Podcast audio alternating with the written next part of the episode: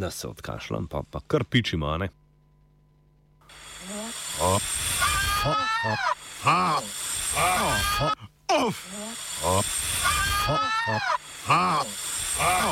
Offside.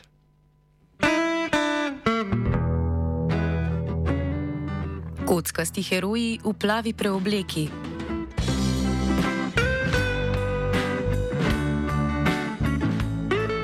V Zagrebu so delavci, združeni v inicijativo dostavljavcev Volta, organizirali protest. Nezadovoljni so s svojim položajem in od Volta zahtevajo možnost dela prek lastnega podjetja, zvišanje nadomestil za dostavo, ureditev pogojev dela za tuje državljane in izboljšavo aplikacije. Poleg tega nasprotujejo zakonu o platformnem delu, ki naj bi uredil nekaj osnov pogojev dela prek platformnih podjetij in bo stopil v veljavo 1. marca. Dostavljavci so s hodom začeli na parkirišču pri Zagrebskem velesejmu in se na to premaknili do sedeža podjetja Volt na Kuzminečki ulici. Pred sedežem podjetja so s skandiranjem gesla Modri heroji spravili iz pisarne direktorja Hrvaške podružnice Volta Matka Katanca. Po kratkem razgovoru so predstavniki inicijative in direktor sestavili dokument o možnosti odprtega dialoga med vodstvom podjetja in protestniki. Direktor je pozitivno pozdravil odprtje dialoga, nekateri protestniki pa so kljub dogovoru o dogovoru ostali pred sedežem podjetja in s protestom oziroma spontano stavko nadaljevali.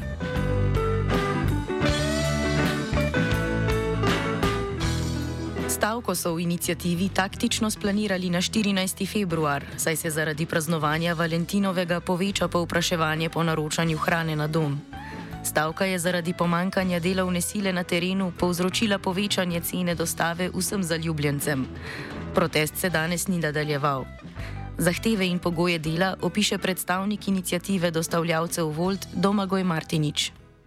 Prvi protesti su još počeli nakon nove godine, uh, a nakon toga to je bilo relativno neuspješno, ajmo reći iz brda s dola, dakle radilo se dosta neplanski, onda se uh, jel, moja ekipa, znači nas par koji se ajmo reći, družimo, poznajemo, dugo smo platformski radnici, smo odlučili da idemo mi napraviti nešto konkretno, ali baš, baš napisano, dakle da ćemo ići tražiti pomoć od sindikata, te da ćemo se upoznati i informirati koja su naša prava, samim time i koje su naše obaveze. A prosvjed je došao sam po sebi zbog toga što je uh, Volt odlučio sa prvim trećim na snagu primiti, odnosno prihvatiti E, zakon o radu na digitalnim platformama. A po tom zakonu e, radnici su e, ne samo da su ograničeni na 8 sati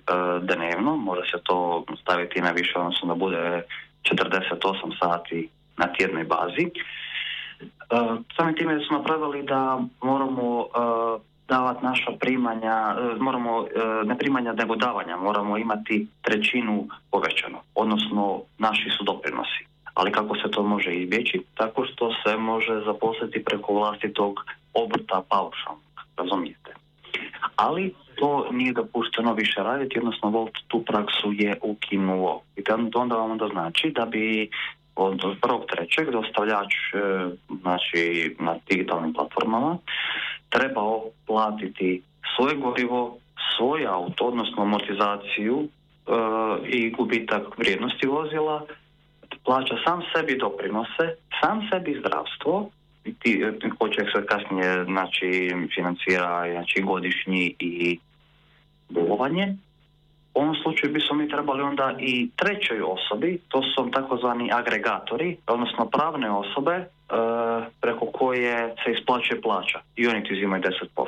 I kada se to sve uh, zbroj oduzme, jako malo ostane, a, a moramo računati s time da nam je smanjen start i smanjena satnica za par lipa, ali to se više struko osjeti na kraju mjeseca. I to je se bio veliki okidač za prosvjede. Novinar portala Novosti Igor Lasič razloži poslovni model agregatorjev ali posrednikov, ki motijo protestnike. Agregatori su e, neka vrsta posrednika koji su ubačeni kao subjekt između e, radnika i vlasnika aplikacije, dakle Volta koji stoji na vrhu piramide. Agregatori su obično ljudi koji preuzimaju na sebe brigu o tome kako će se dogovoriti sa radnicima, tako da posluže kao, kao tampon zona, ajmo to tako nazvati, gdje dolazi do prekida kontinuiteta svih radnih prava. Na taj način se Volt u ovom slučaju, a inače je to sa raznim digitalnim platformama također primjer, uspješno prikriva činjenicu da je on u stvari pravi poslodavac u realnosti, jeli, dok na papiru radnik i dalje ostaje u nekom pod ugovornom odnosu bez obaveza poslodavca i tako dalje. Protestnike je združila inicijativa dostavljavcev Volt, ki so se organizirali izven sindikalnega gibanja. Bilo je jučer primjetno da i sami radnici još uvijek diskutiraju o tome što bi trebao biti paket njihovih zahtjeva, da tako kažem, kako bi trebalo nastupati prema poslodavcu. Poslodavac će to naravno pokušavati iskoristiti tu vrstu nedovršene organiziranosti radnika i njihovih predstavnika, međutim povoljan, povoljan moment u svemu tome jest vijest da su stupili u kontakt sa sindikatima, konkretno sa Savezom samostalnih sindikata Hrvatske koja je najveća sindikalna jeli, središnjica u Hrvatskoj. Ta ista sindikalna središnjica je prije određenog vremena, prije, prije dvije godine ako se ne varam, sudjelovala u organiziranju sindikalnom radnika Ubera koje je bilo dosta kvalitetno izvedeno i značilo je mnogo u, u borbi za unapređenje radničkih prava, pogotovo tih radnika koji su najpodcijenjeniji, dakle platformski radnici ili naj, najnezaštićeniji. I čini mi se da bi to mogao biti povoljan, povoljno rješenje za njihovu organizaciju u nastavku suočavanja sa, sa šefovima, sa poslodavcem, sa Voltom. Dostavljavce skrbi tudi zakon, ki bo prišel v veljavo s 1. marcem. V novem zakonu je število delovnih ur na teden omejeno na 40 ur, medtem ko mora dostavljalec, ki se preživlja izključno z dostavo hrane prek te platforme, za preživetje delati od 45 do 60 ur tedensko.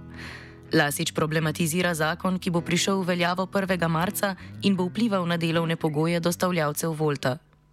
Pa taj zakon, ukratko rečeno, trebao bi što se tiče ovog dijela e, koji se odnosi na dostavljače Voltu trebao bi stupiti na snagu tek sa idućom godinom, međutim e, on je problematičan budući da e, još uvijek nije dovoljno precizno definiran u tom području radnih prava, tako da će radnicima biti nametnuta obaveza na neki način da imaju da imaju osmosatno radno vrijeme i, i e, plaćene doprinose, e, dok poslodavac, realni poslodavac u ovom slučaju Volt i dalje ne bi imao nikakvu obavezu nad njima, dakle oni bi sami morali plaćati e, te doprinose iz svog rada koji bi, koji bi im se pritom e, ograničio pa bi sve izgledalo malo pristojnije, reguliranije, međutim radnicima ne bi ne bi bilo bolje i to je jedan od razloga zbog kojih se oni bune. Jučer je na tom, na tom protestnom skupu radnika bio, pojavio se samo inicijativno i potpredsjednik, jedan od potpredsjednika Hrvatskog sabora, Davorko Vidović, e, koji e, ne možemo je tvrditi koje su njegove krajnje intencije, ali ponudio je e, pomoć radnicima predložio im je da se jave i njemu u saboru kako bi se, kako bi se bolje pogurala njihova, ovaj, njihove, njihove zahtjeve u pogledu olakšavanja radnog statusa. Pobudi k stavki sprva niso sledili vsi delavci, po dogovoru z vodstvom pa pridobivajo vedno več podpornikov. Martinič opiše odnose med delavci pred stavko in po dogovoru z vodstvom. Pa to vam sve ide klasično na početku, ono, bilo, imali smo i podsmijeha i, i izrugivanja i ono, nećete uspjeti, vi ste si mali, a sad e, kad smo uspjeli, sada nam se javljaju sa svih strana da bi oni sudjelovali u tome, da bi oni sad davali e, neke prijedloge na mijenjanje nekih stvari koje su sad u Voltu i tako dalje, tako dalje. Tako da, ajmo reći da je došlo do nekakvog jedinstva i da su ljudi prepoznali nas i u svakom slučaju imamo, imamo podršku. Ena od zahtev je tudi ureditev poslovnega razmerja med Voltom in dostavljavci iz tujih držav. Včeraj so protestirali izključno hrvaški državljani, ki tujo delovno silo vidijo kot konkurenco. Protest tako ni združeval vseh dostavljavcev proti vodstvu. Odnos med doma, domačimi delavci in tujo delovno silo komentira Martinič. Nitko od nas apsolutno nema ništa protiv radnika iz uh, stranih zemalja. Uh, svako kogo želi ovaj posao raditi odgovorno i savjesno je dobrodošao. Znači apeliram na to. Apsolutno nemamo ništa protiv toga. Ono protiv čega mi imamo nešto je protiv uh, radnika koji nisu dovedeni sa potrebnom papirologijom, konkretno dovedeni su za rad na građevini, uh, rade u dostavi, ne znaju kam, hrvatski, a kamoli išta engleskog osnovnog. I samim time kako se pogleda da nas Volt izjednači s njima to, to ne može biti zato što mi ipak poznajemo grad, duže smo u ovom poslu, domaći smo ljudi i jednostavno mora se nekako to sve regulirati. Mi tražimo da, da bude točno prava i obveze, odnosno da se napravi pravilnik, da se točno zna koji kako može voziti. A stvari koje se događaju, koje su neregularne, postaje liste čekanja da bi ušao Volt, s druge strane onda, onda vidimo da se pojavi neka firma koja je zaposlila u jednom danu, ne znam, sto stranih radnika. A s druge strane neki moji prijatelji čekaju po, po par mjeseci da budu aktivirani i da oni uđu. Znači samim time vidi se da uh, je uvozna snaga jeftinija i da su to ljudi koji će raditi za manje novaca, jer ti ljudi taj novac neće potrošiti u Europskoj uniji, taj novac će biti poslan u njihove matične države i odnosno gdje oni e, ne mogu konkurirati nikako sa svojom platežnom moći. Znači nemamo protiv nikakvih ljudi, sve su to ljudi, sve su to radnici, samo da bude jednako za sve i da bude regulirano. To tražimo. Poslovanje med Voltom in tujimi državljani pojasnjuje tudi Lasič. Jučer je na e, protestnom skupu e, dostavljača Volta bio tek manji dio njih e, koji su tu zaposleni. To su dakle bili oni koji su se prvi mobilizirali i to su bili gotovo isključivo e, e, domaći ljudi, hrvatski državljani, e, iako znamo da se pod znakom Volta angažira i i pod, i pod drugim jeli, e, sličnim digitalnim platformama e, angažira se puno stranih radnika, uvozne radne snage. E, često se spominju kao Nepalci, međutim tu su i Filipinci i tako dalje. Ovaj problem sa njihovim pojavljivanjem na tržištu rada je kao i uvijek gdje gdje dolazi do sličnog uvoza radne snage, nastojanje nastojanje sa pozicija e, kapitala da se smanji cijena rada i oni to uspješno postižu pomoću tih stranih radnika koji su, e, koji su mahom e, ljuta sirotinja bjelosvjetska koja dolazi u Hrvatsku i pristaje raditi za novac za koji više ovdje ljudi ne žele raditi jer im je bolje dakle hrvatskim državljanima da idu raditi u ne znam Njemačku ili ili Irsku e, gdje na poslove koje pak ne žele raditi e, tamošnji ovaj, domicilni građani. E, jučer je došlo do pobune, do samoorganiziranja radnika u Voltu, tenzija spram,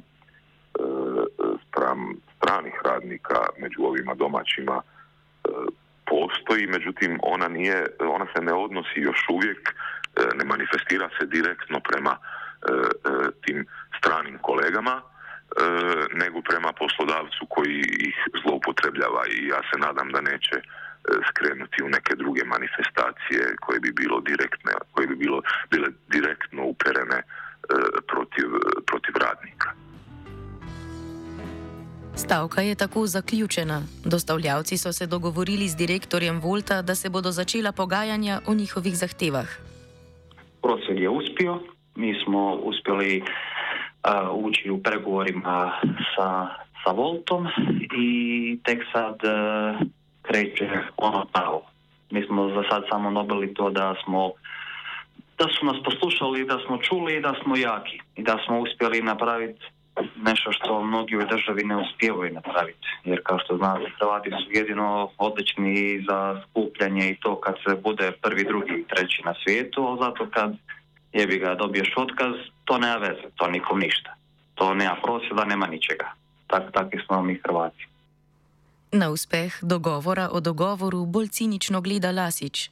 Pa, e, teško je, teško je reći budući da je riječ u početku e, nekog samoorganiziranja radničkog e, pod tom platformom, konkretno Volta. Oni su se jučer, može zvučati pomalo cinično, ali oni su se jučer dogovorili da će početi se dogovarati što, što, izgleda, što izgleda zaista kao prazan skup, kao, kao nula. Međutim, ipak je riječ o nekoj vrsti uspjeha sa strane radnika, budući da do sad se nisu uopće htjeli obazirati na radnike kao na činjenicu. Protesti in dogovarjanja o dogovarjanju so se v Zagrebu zaključili, cene dostav pa so se spet normalizirale. Predstavnike inicijative po prvi veličastni zmagi čaka nadaljevanje dogovarjanja z vodstvom, tokrat o čim več kot le o dogovarjanju. Offside je pripravil vajenec Andraž, mentorirala je Tija. Hej, Joe, jesi šenuo, kuda si to s pištoljom krenuo?